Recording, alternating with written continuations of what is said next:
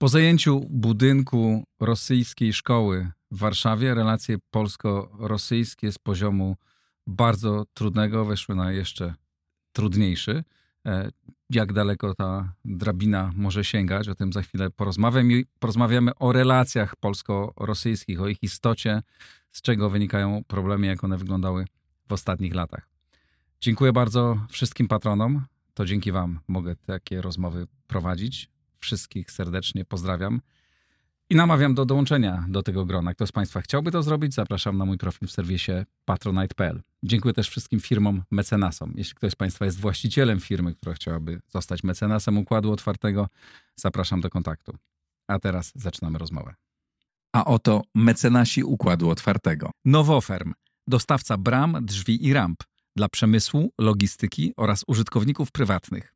E-Kwadrat V to polska spółka zajmująca się sprzedażą energii elektrycznej pochodzącej wyłącznie z odnawialnych źródeł. Firma DevTalent, budująca zespoły programistyczne dla klientów z branży finansowej i cyberbezpieczeństwa. OnGeo.pl, geoportal dostarczający raport o terenie z diagnozą dowolnej działki dla właścicieli, sprzedających lub kupujących. XTB, polska platforma inwestycyjna oferująca dostęp do instrumentów finansowych, bieżących analiz rynkowych oraz setek godzin darmowych materiałów edukacyjnych.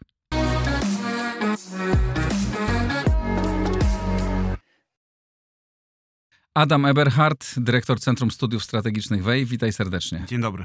Zanim porozmawiamy o stosunkach polsko-rosyjskich, pozwól, że przypomnę e, widzom i słuchaczom o zbiórce, którą Układ Otwarty prowadzi. Układ Otwarty razem z, z, absolwentami Szkoły Przywództwa Instytutu Wolności organizuje zbiórkę na rzecz Pułku Kalinowskiego. Zbieramy na e, pojazd, który będzie mógł ciągnąć haubice, e, które są w posiadaniu od niedawna Pułku Kalinowskiego. E, zapraszam serdecznie, wpłacajcie. Ja wpłaciłem, do tego was serdecznie namawiam. Kontrofensywa za chwilę albo już trwa, albo się zacznie i te haubice, które mają pociągnąć samochód, który my kupimy, e, będą brały udziały w tej kontrofensywie. Zapraszam do, do, do wspierania. Link do zbiórki na Patronite pod nagraniem. Patronite nie pobiera żadnej prowizji. Super, polecam gorąco, serdecznie. Ja również, e, dzięki. E, to porozmawiajmy teraz o, o, o relacjach polsko-rosyjskich. Po pierwsze, zacznijmy od tego, co się, co się wydarzyło. Jak rozumiem, to był ruch miasta Warszawy, ale zrobiony w porozumieniu z MSZ-em, co jest w ogóle ciekawym zjawiskiem, bo wiadomo, że Warszawą rządzi e, polityk Platformy Obywatelskiej, MSZ-em e, partia rządząca. E, to dobrze, że jest koordynacja takich działań. No przede wszystkim to było wykonanie decyzji sądu sprzed 7 czy 8 lat. Y, trzeba pamiętać, że ten budynek został przekazany Sowietom w roku 53 był użytkowany kwestie własnościowe nie były e, rozstrzygnięte, a to było przekazane w sposób jakiś tam pozbawiony nawet jakiejś e, elementarnej, e, biurokratycznej, administracyjnej procedury. Kilka lat temu zapadł wyrok i ja właściwie uważam, że trochę za późno nawet ten, ten, ten budynek został obebrany. To jest troszkę tak jak z, z pomnikami wdzięczności, które rozbieraliśmy u nas w Polsce, że czym dłużej ta operacja trwała, czym więcej lat mijało, tym bardziej Rosjanie nerwowo, historycznie i arogancko reagowali na nasze y, działania. Takie A myśmy z kolei obawiali się A, tych działań takie prowadzić. Takie rzeczy trzeba robić szybko, y, chirurgicznym cięciem. Ten budynek wyrokiem sądu został mm, miał, miał, być, miał być oddany. To nie był budynek e, będący, wchodzący w skład ambasady rosyjskiej. On się nie cieszył żadnym immunitetem tych budynków, które były używane przez, czy zajmowane przez e, Rosjan, e, już często bezpra bez, bezprawnie, było znacznie więcej, o ile pamiętam, i myśmy tak tych decyzji tak, bali się podejmować. No właśnie tak było robione, tak, bo taki ten wielki budynek był w Warszawie na ulicy Sobieskiego na przykład. E, te, te one stopniowo było, było czyszczone, no ale oczywiście wiadomo, no, że czym bardziej asertywna Rosja, czym bardziej Rosja agresywna, czym bardziej Rosja potrzebująca z różnych powodów sporu, napięć e, w relacjach z naszym krajem, no tym większy szum medialny, tym większe groźby również e, odwetu ze strony Rosji. No właśnie, jaki ten odwet może być w chwili, kiedy nagrywamy tę rozmowę, ten od, tego odwetu praktycznie nie było. Rozumiem, został wezwany przedstawiciel e, polskiej ambasady do, do MSZ-u rosyjskiego, no ale to niewielka, e, na razie niewielki ruch. Pewnie możemy jeszcze z czym się, czego się spodziewać. Moją rolą nie jest podpowiadanie władzom rosyjskim, co mają y, robić, ale to też jak każdy uważny obserwator relacji polsko-rosyjskich wie, że te różne groźby rosyjskie niespełnione często, one się pojawiały na przestrzeni ostatnich lat i one i ten katalog y, tematów, gdzie nam grozili, on, on jest jakoś tam powszechnie znany. Czy to jest kwestia nieuregulowanego statusu naszego konsulatu generalnego w Petersburgu, czy to są kwestie gruźb zamknięcia naszych cmentarzy kantyńskich.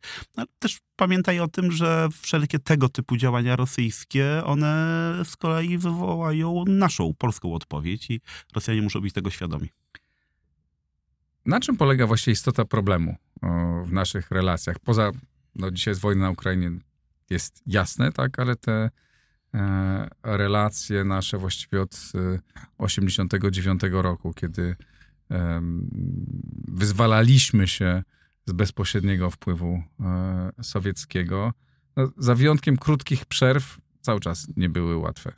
No myślę, że tutaj było kilka takich elementów, które y, stanowiły źródło napięć. Po pierwsze to jest kwestia bezpieczeństwa Polski, tego polskich y, aspiracji do dołączenia do wspólnoty zachodniej, rosyjskich ambicji, aby y, jakkolwiek, jeżeli nie kontrolować, to chociaż zamienić Europę Środkową w strefę y, buforową. Więc tutaj zawsze Polska, polskie działania, czy to członko, członkostwo w NATO, czy polskie zainteresowanie budową amerykańskiego systemu antyrakietowego, czy polski lobbying na rzecz wzmocnienia wschodniej flanki NATO, no to to był ten zawsze najważniejszy kamień sprzeczności polsko-rosyjskich, ale myślę, że tutaj jeszcze oczywiście zawsze przez tych 30 lat z różnym natężeniem ważny element to był ten obszar pomiędzy nami.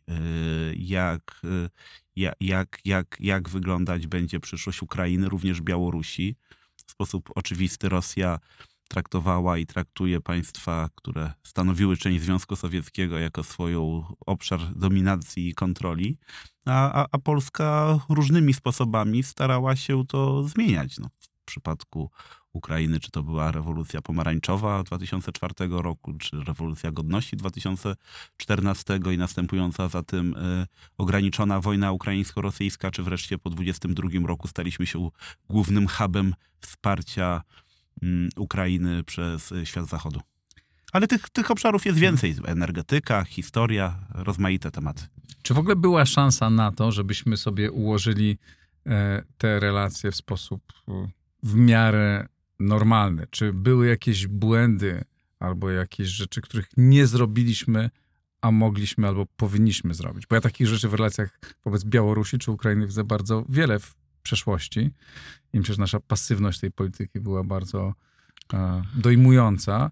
Ale pytanie, czy w, w relacjach z Rosją byliśmy w stanie coś Wiesz, zrobić? Pasywność jest to pewnie na dłuższą dyskusję. Znaczy, że pasywność to, to, to bardzo często jest brak e, dogodnych, twardych instrumentów oddziaływania. Natomiast jeżeli chodzi o relacje z Rosją, no cóż, no, mamy taki przykład jak polityka Republiki Federalnej Niemiec. Niemcy przez ostatnich 30 lat inwestowały w Rosję, budowały kanały dialogu, współpracy inwestycyjnej, wszelakiej, energetycznej. Budowały to na paradygmacie mm, sformułowanym przez Niemców, który mówił, że poprzez zaangażowanie jesteśmy w stanie wymusić zmiany. Czy, Wandel Rosję, durch Handel. Och, pięknie powiedziane. Y, I, i, i, że te, i, że, i, że, I że Rosja na skutek y, budowania więzów z Zachodem stanie się bardziej zachodnia. No efekt jest taki, jak widzimy. Y, efekt był taki, że to niekoniecznie Niemcy zmieniały Rosję, ale raczej Rosja starała się zmieniać państwa zachodnie poprzez eksportowanie korupcji politycznej, poprzez próbę budowania swoich przyczółków y, obecności gospodarczej i, i, i politycznej i, i, społecznej w Europie Zachodniej. No więc tutaj, tutaj wszystko wskazuje na to, że problem jest jednak po stronie naszych y, rosyjskich partnerów, tak powiem bardzo eufemistycznie. E, właściwie mieliśmy, można powiedzieć, dużo szczęścia w momencie, kiedy wchodziliśmy do NATO i staraliśmy się o przejście do NATO, o, o wejście do NATO, no bo to zostało mniej lub bardziej zaakceptowane e, przez Rosję, to było jakieś takie krótkie, krótkie okienko możliwości, kiedy, e, kiedy do tego można było doprowadzić. No, no nasza batalia o członkostwo w NATO to było prawie 7 lat. Tak. Ja pamiętam wizytę Borysa Jelcyna w Warszawie w to był chyba maj 92 roku, kiedy ogłosił w Belwederze, że Rosja nie ma nic przeciwko członkostwu y, Polski w NATO. Byłem na dzisiaj- tej konferencji prasowej jako młody reporter. A no widzisz. Y, I w Belwederze, w Belwederze, w Belwederze prawda? Tak, I to- pamiętam, że, e, że Jelcyn tak nie trzymał się bardzo No właśnie, bo prosto. młody reporterze to wtedy był taki problem, że my wszyscy zapamiętaliśmy jego deklarację z Warszawy, ale on chyba dzień później udał się do Bratysławy, Tak. już był zbriefowany przez swoich doradców I już, wytrzeźwiał. ju- może wytrzeźwiał, już były twardy, twarda, twarda argumentacja, że pod żadnym pozorem państwa Europy Środkowej do NATO przystąpić nie mogą. Przystąpiliśmy ostatecznie w 97 roku.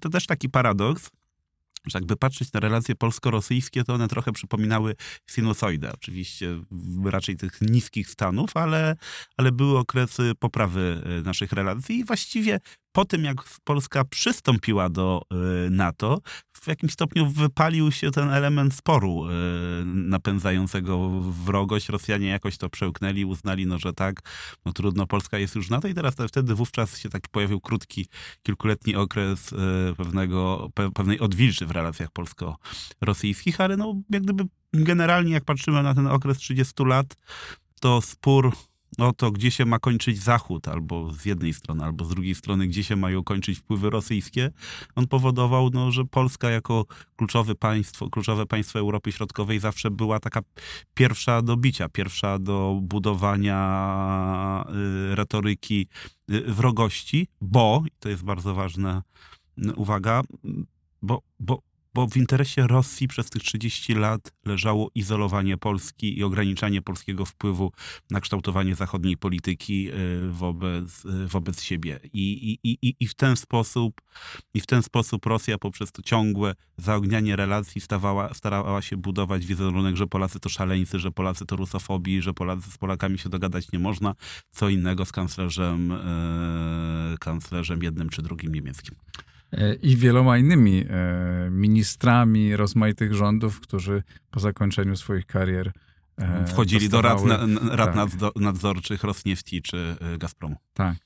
A jakie były takie twoim zdaniem kluczowe momenty tej naszej współpracy, kiedy ona się no w zasadzie pogarszała, no bo ona się rz- rzadko polepszała, ale jakby gdzie były te momenty, kiedy ona zaczęła naprawdę wyraźnie zjeżdżać?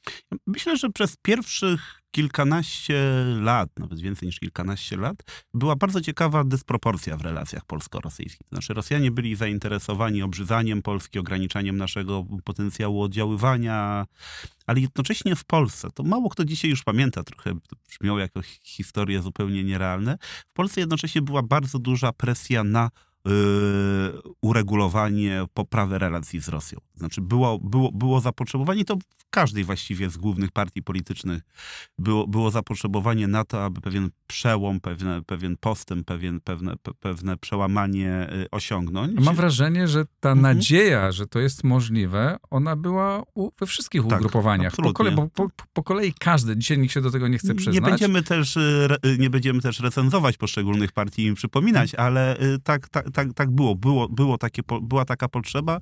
Myślę, że to, co oczywiście zbudowało oczywisty mur y, niezrozumienia, takiej nieufności również na poziomie mm, mm, mm, nie tylko politycznym, społecznym, to oczywiście kwestia y, katastrofy smoleńskiej i, tego, jak, jak Rosja działała, jeżeli chodzi o kwestię braku zwrotu wraku samolotu, jeżeli chodzi o kwestię śledztwa, no, takiego takie brutalna, br- brutalne zrze- zderzenie z rosyjską realpolitik.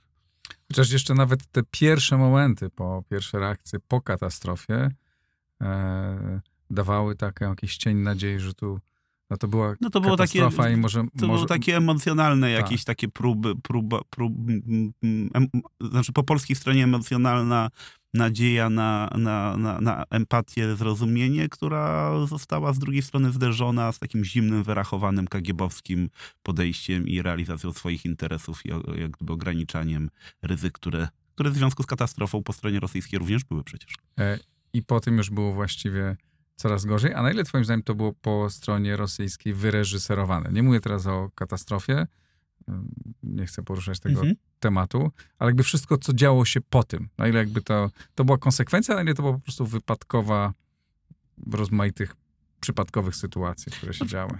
Znaczy przede wszystkim już wtedy no, te, te relacje, jak gdyby z punktu widzenia Rosji, jak gdyby Polska była traktowana rzeczywiście jako zagrożenie, bo pamiętajmy, że to było przecież kilka lat, 4-5 lat po y, pomarańczowej rewolucji, która była takim momentem, w którym Rosja zorientowała się, że jednak Polska dysponuje pewną sprawczością. No i to było jeszcze i parę lat po Gruzji, po ataku -hmm. na Gruzję, gdzie do mhm. Tbilisi przyleciał Lech Kaczyński, tak, który no wyraźnie tak, mówił tak, o tym, tak, czym jest zagrożenie. No tak, ale pierwszy jak gdyby 2004 rok, mhm. prawda, pomarańczowa rewolucja, która, która, który, której Rosja nagle się zorientowała, że y, Polska dysponuje pewnym potencjałem y, y, oddziaływania na obszar, nazwijmy go postsowieckim, prawda? No potem oczywiście kontynuacja 2008 rok Gruzja, no więc potem ten 2010 przyszedł już w, takich, gdyby w takiej sytuacji dużego dużego,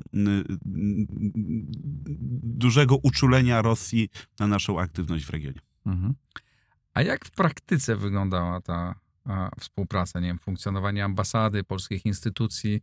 E, przez lata obserwowałeś to też jako mhm. korespondent, i, mhm. E, a później jako e, pracownik i szef Ośrodka Studiów Wschodnich. E, to też stopniowo się, stopniowo się zmieniało. Tak? Ja pamiętam czasy, kiedy wszystko normalnie funkcjonowało, grupa mhm. do spraw trudnych y, istniała, mhm. tak? Były takie nadzieje, że dobra, nawet się co do historii będziemy w stanie dogadać i nawet były takie gesty wykonywane, znaczy, które dawały nadzieję, że a może rzeczywiście... Ja uważam, że jeżeli chodzi o kwestie historyczne, to one tak naprawdę są raczej barometrem relacji y, y, z Rosją, a nie źródłem problemów, napięć. Mhm. Mm, weźmy takie państwa jak, y, jak, jak, jak, jak, jak Węgry, prawda? Nawet nie teraz, nie, nie, nie po 22 roku, ale wcześniej, w poprzednich y, latach, gdy ten sojusz Orbana z y, Putinem nie był tak ostentacyjny, to jak gdyby Rosjanie wiedzieli, widzieli, że Węgry są do wyjęcia. Nie było dla, nie było dla Władimira Putina żadnego problemu pojechać do Budapesztu, złożyć kwiaty na pomniku ofiar yy, powstania 1956 roku, jak, jak, jak, jak, jak Rosja bo grała... Bo było to łączone razem z ofertą na to, zakup e, bo, elektrowni atomowej Dokładnie, bo była to, była to po prostu pewna oferta wyjścia politycznego do przodu. To samo było na przykład z przy, z Finlandią w okresie e, dobre, dobrego rozwoju relacji obu państw, nie tak jak dzisiaj. To też, pamiętam, Putin przyjeżdżał do Helsinek, kładł wieńce na, na, na, na przy grobie, czy tam pomniku marszałka Mannerheima. To znaczy Rosjanie nie mieli problemu nigdy z instrumentalnym traktowaniem historii. Tak. Jak trzeba było wykorzystywać historię jako pałkę, to była wykorzystywana jako pałka. A gdy trzeba było historię wykorzystywać do do, do poprawiania relacji, no to nawet, nawet z tą, nawet z tą złą Polską yy, wprowadzono pewne mechanizmy dialogu, takie jak na przykład grupa do yy, spraw trudnych, która, której intencją było takie wniesienie wyniesienie historii XX wieku troszkę poza nawias yy, sporów politycznych, oczywiście z efektami yy, mizernymi, bo też ci członkowie polsko-rosyjskiej grupy do spraw trudnych ze strony rosyjskiej, oni nie mieli większego przełożenia na decydentów y, kremlowskich. No i to tak, to tak działało troszeczkę jako pewien surogat y, dialogu obywatelskiego. A czy jesteś w stanie sobie wyobrazić taką sytuację? To oczywiście historia mhm. alternatywna, ale y, skoro już rozmawiamy o relacjach polsko-rosyjskich, że mogliśmy dostać jakąś poważną ofertę, taką właśnie budowa elektrowni atomowej, tak, za 3,50, e, czy mhm. czegoś innego, jakiegoś naprawdę dużego dealu, który, no, co prawda śmierdzi, bo rosyjski, ale jednak jest na tyle atrakcyjny, że warto to rozważyć. Czy w ogóle, twoim zdaniem, A, oni mogliby złożyć taką propozycję, B, czy my na jakimś etapie tej naszej One... historii mhm. moglibyśmy ją przyjąć? No, oni składali takie oferty. Taką pierwszą ofertą, która mi przychodzi do głowy, to była taka tak zwana pieremyczka, czyli łącznik między, międzysystemowy, który miał połączyć gazociąg jamalski idący przez Białoruś i Polskę z południowym tym systemem e, gazociągów e, idących przez e, Ukrainę, Słowację, tak aby zbypasować, tak aby ominąć tak. Ukrainę. To, to się pojawiało w roku chyba, chyba 2000-2001 mniej więcej, przy okazji pi- pierwszej, pierwszej odsłony konfliktów gazowych e, rosyjsko-ukraińskich i to była czysta intryga. To znaczy to była próba, to była taka nadzieja na to, że Polacy się zgodzą. E, Niekoniecznie trzeba byłoby budować wówczas ten łącznik międzysystemowy, ale udałoby się wykorzystać polską zgodę do szantażowania Ukrainy i prze, przejęcia tego, o co wówczas Rosja bardzo walczyła, czego nigdy nie osiągnęła, do przejęcia e, ukraińskiego systemu transportu gazu ziemnego z Rosji do, do, do, do, do Europy. I to, to była taka pierwsza, pierwsza gra, która przed polskimi władzami postawiła, po, władze polskie postawiła przed pewnym dylematem i pokusą dogadywania się z Rosją. Tutaj odpowiedź na szczęście była negatywna, ta gra została przejrzana. Potem były różne oferty quasi biznesowe. Rosjanie chcieli przejmować e, Lotos, e, byli zainteresowani azotami. Była oferta, leżała na stole dotycząca elektrowni jądrowej w Kaliningradzie, w Królewcu. Rosjanie m, m, budowali tę, tę, tę, tę elektrownię, nigdy jej nie dobudowali yy, i, i, i, i potrzebowali zbytu na energię elektryczną. Próbowali, jak gdyby, bo wiadomo, że sam obwód królewiecki on jest zbyt mały, żeby wykorzystywać, nie potrzebował takiej tak, projektowanych mocy y, energetycznych i tutaj wówczas Rosjanie rzeczywiście przez y, kilka czy kilkanaście miesięcy y, y, y, y, zamieniali się w miłych y, biznesmenów, którzy, którzy chcą rozmawiać nie o tym, że jak Polska jest niezależna i jak Polska jest w NATO i jak Polska wspiera Ukrainę, tylko o tym, jak fajnie, jak fajnie współpracować, jeżeli chodzi o kwestie, o, o kwestie e, e, energetyczne. Na szczęście, na szczęście nic z tego y, nie doszło, bo, bo do uzależnienia od gazu, od ropy doszło od węgla częściowo, doszłoby jeszcze uzależnienie od energii elektrycznej z rosyjskiej elektrowni jądrowej. Ale tych ofert nie przyjmowaliśmy, no ale długoterminowe e, kontrakty gazowe podpisywaliśmy. e, w, I no, z, czym potem mieliśmy problem. Tak, to prawda. Znaczy właściwie w ogóle nie było, znaczy nie było rosyjskich inwestycji w Polsce. To Mhm. znaczy jak tam przez, przez te pierwszych tym 20-25 lat transformacji, te inwestycje zagraniczne, zachodnie, one tam były 600 miliardów, potem jeszcze bardziej dolarów, one bardziej rosły, to w tym czasie rosyjskie inwestycje w Polsce, one były niewielkie, to było około 100 milionów dolarów, głównie związane było z budową właśnie gazociągu jamalskiego. Być może trochę rosyjski kapitał starał się wchodzić do Polski poprzez offshory, poprzez różne spółki cypryjskie czy, czy, czy inne, ale to, to raczej pytanie do ABW, jak, jak, oni to, jak oni to monitorowali, ale to tych inwestycji rzeczywiście rosyjskich w Polsce nie było pod tym względem, udało się nam y, uchronić. No i dzisiejsza, z dzisiejszej perspektywy widać, że to była decyzja słuszna, prawda? Że, że dzisiaj byśmy starali się zrywać jakoś te, te powiązania, no bo wiadomo niestety tak, żeby robić y, interesy w krajach zachodnich, y, czy nawet środkowoeuropejskich, po prostu trzeba mieć y, atrakcyjną ofertę. Aby robić interesy w Rosji, trzeba mieć przychylność polityczną. I ta przychylność polityczna, ona ma charakter koniunkturalny. Dzisiaj jest, a jak jutro nie będzie, to, to, to, to zabiorą ci firmę, znacjonalizują, wprowadzą zarząd komisaryczny, zaczną nasyłać inspekcje podatkowe, środowiskowe i wszelkie inne. I, i, no i tak naprawdę bez, bez, i to też tłumaczę, dlaczego Niemcy tak wchodzili, prawda? Znaczy bez silnej politycznej osłony y, zagraniczny kapitał w Rosji y, był skazany zawsze przez ostatnich 30 lat na, y, na, na, na, no, na, na skubanie. No, nawet mając tę polityczną ochronę wielkiego biznesu, ci Niemcy wcale nie, Nie zrobili. Dużo był- większy biznes zrobili z Polską, e, e, krajem mniejszym i takim, na który patrzyli z góry. E, Tak, tak, ten rynek polski oczywiście się okazał z punktu widzenia rosyjskiego biznesu nieporównywalnie większy niż, niż rosyjski, zresztą Tak. też i, i z naszej perspektywy. To wymiana handlowa z Republiką Czeską jest dwa razy większa niż tam z Rosją, Ukrainą, Białorusią razem co wziętymi. jest bardzo ciekawe. Z drugiej strony też trzeba powiedzieć o tym, że jakby no, to, ta myśl o potrzebie dywersyfikacji e, źródeł energii i stopniowego uniezależniania się, no to była obecna w polskiej jakby debacie publicznej już od dawna, właśnie od początku lat 2000 no i, i w zasadzie była co do tego zgoda. E, ponadpartyjny, no bo to pierwszy Jerzy Buzek o tym mówił, potem Lech Kaczyński, który to rzeczywiście To prawda, wprowadzał ale e, też pamiętajmy, mocno. że rzeczywiście, że jeżeli chodzi o gazociąg łączący nas z Danią, Norwegią, no to była pierwsza próba podjęta wcześniej, która została zablokowana. Przez SLD została Natomiast no, później, później rzeczywiście i, i gazoport, i, i te połączenia międzysystemowe również, to znaczy te Mhm. łączniki z e, Czechami, no późnione ze Słowacją, z Niemcami, bo to budowało. No bo tak naprawdę z punktu widzenia bezpieczeństwa energetycznego to kluczowa jest ta zdolność do stworzenia rynku. Znaczy my, Polska przez wiele lat kupowała prawie 100% ropy naftowej e, z Rosji, ale jednocześnie czuliśmy się energetycznie bezpieczni w sektorze ropy naftowej, no ponieważ zawsze mogliśmy kupić w Rotterdamie ropę, przywieźć do Gdańska.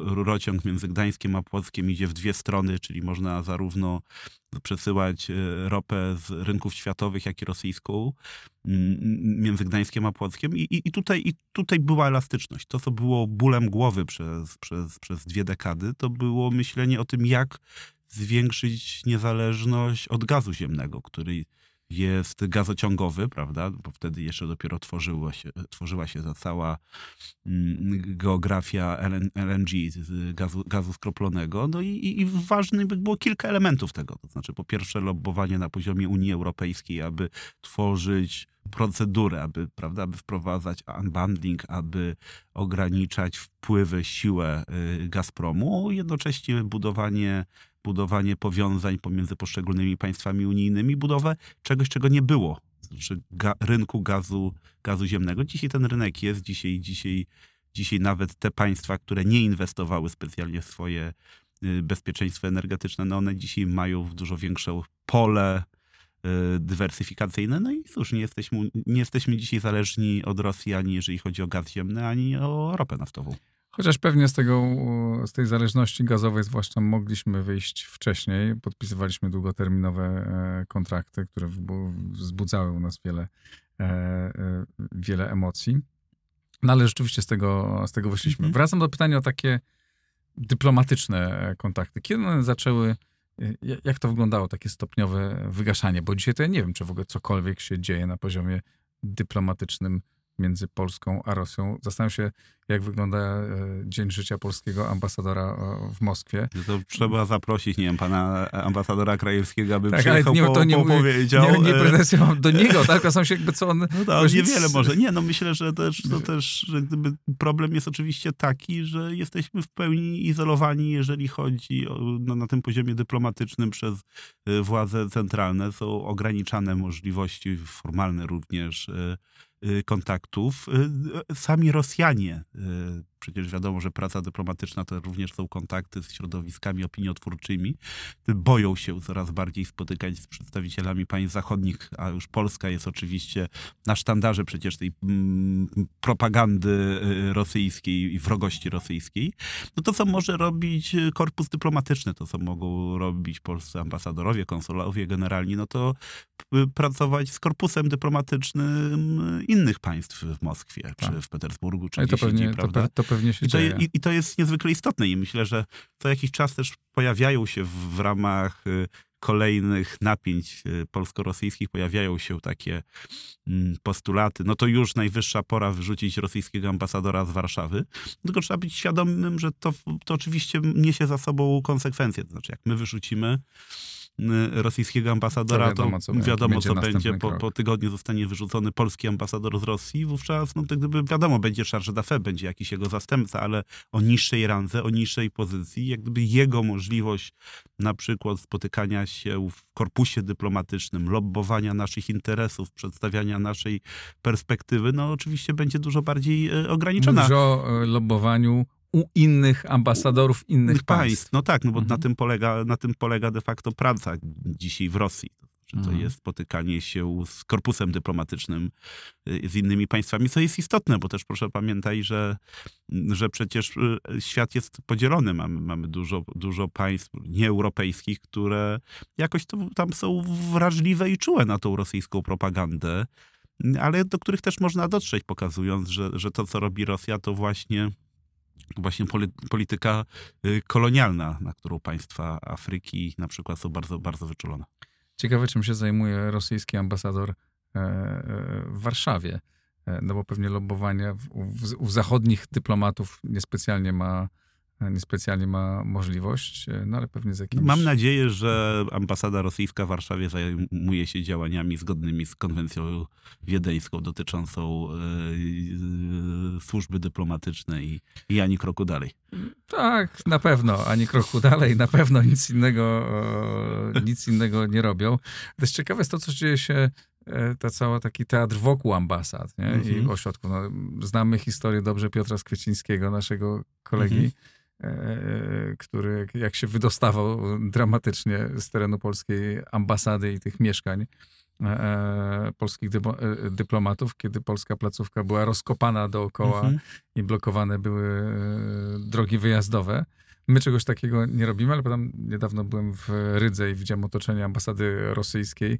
E, piękne, wielkie plakaty z wykrzywioną twarzą Putina wokół tej ambasady. Plakaty, takie no, wielkie banery e, e, porozwieszane. No, oczywiście przez prywatnych, e, przez prywatne No tak, instytucje, ale takie- wszyscy wokół, policja pilnowała, żeby tam nikomu nic Tak nie stało. ale teraz jechałem w Warszawie belwederską przy ambasadzie rosyjskiej, to też tam zauważyłem, że tam skwer, czy ta, ta, taka ścieżka idąca równolegle do belwederskiej też jest, na, nazw, no, jakby uzyskała nazwę tam ofiar rosyjskiej agresji, Tak. czy jakoś tak. No to zawsze musimy tylko pamiętać o tym, że tego typu działania, one y, w dyplomacji spotykają się z zasadą wzajemności. To znaczy musimy być, y, musimy być y, świadomi, y, że jak gdyby, jak gdyby jak my będziemy zmieniali nazwy ulic, to potem się okaże, że ambasada Polski w Moskwie jest przy tam Murawiowa Wierzyciela, prawda? Tak. E, e, ulicy. No, no to, to, to tutaj niestety, tutaj niestety e, Rosja również dysponuje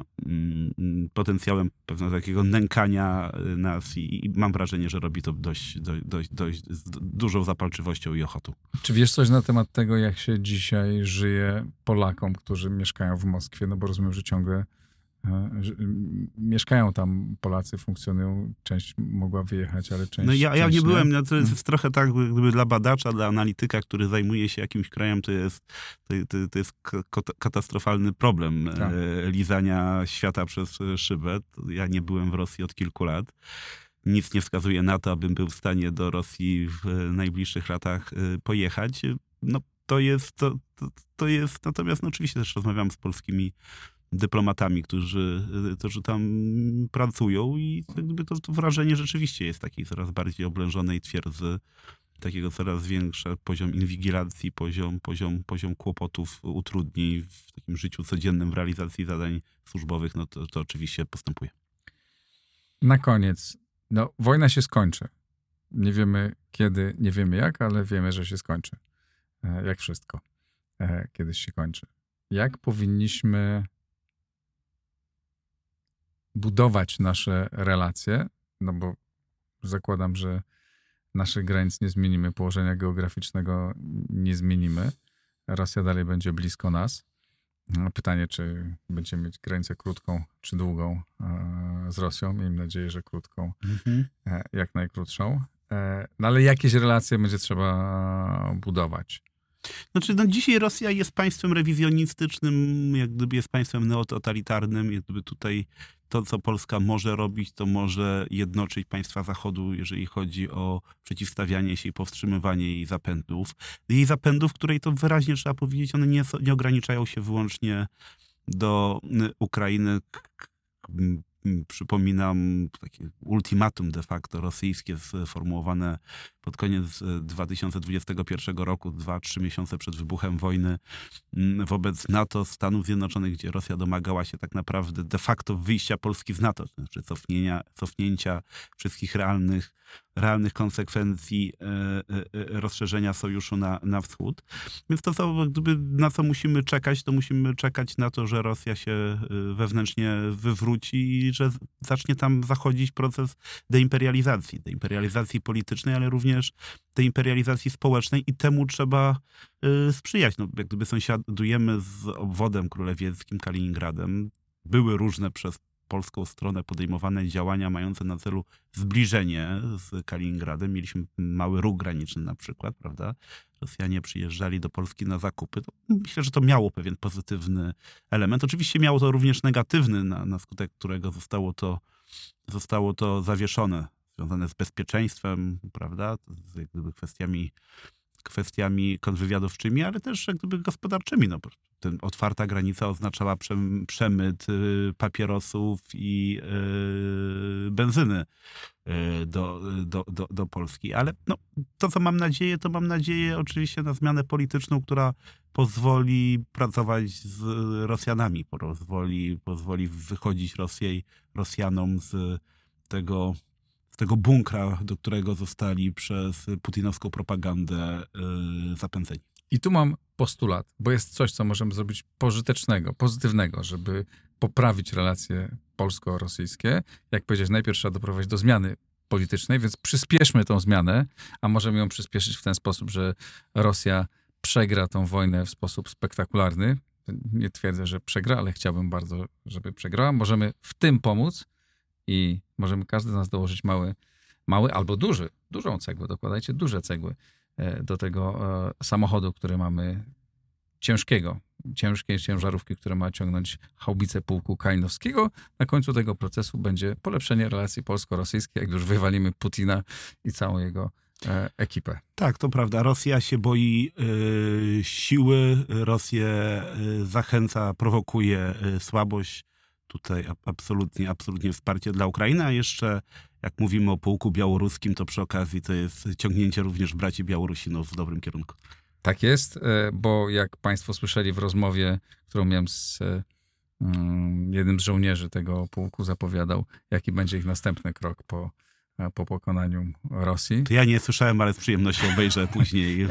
No, to musisz koniecznie, koniecznie nadrobić. Są tam bardzo dobre, bardzo dobre i poważne zapowiedzi. Tym bardziej, kupmy jak najszybciej ten samochód, więc klikajcie, blik, przelewy, karty kredytowe w ruch, zapraszam. E, Adam, bardzo Ci serdecznie dziękuję. Dzięki serdeczne. Dziękuję Państwu. E, to wszystko w tym odcinku. Wiecie co robić. Pozdrawiam, do następnego razu.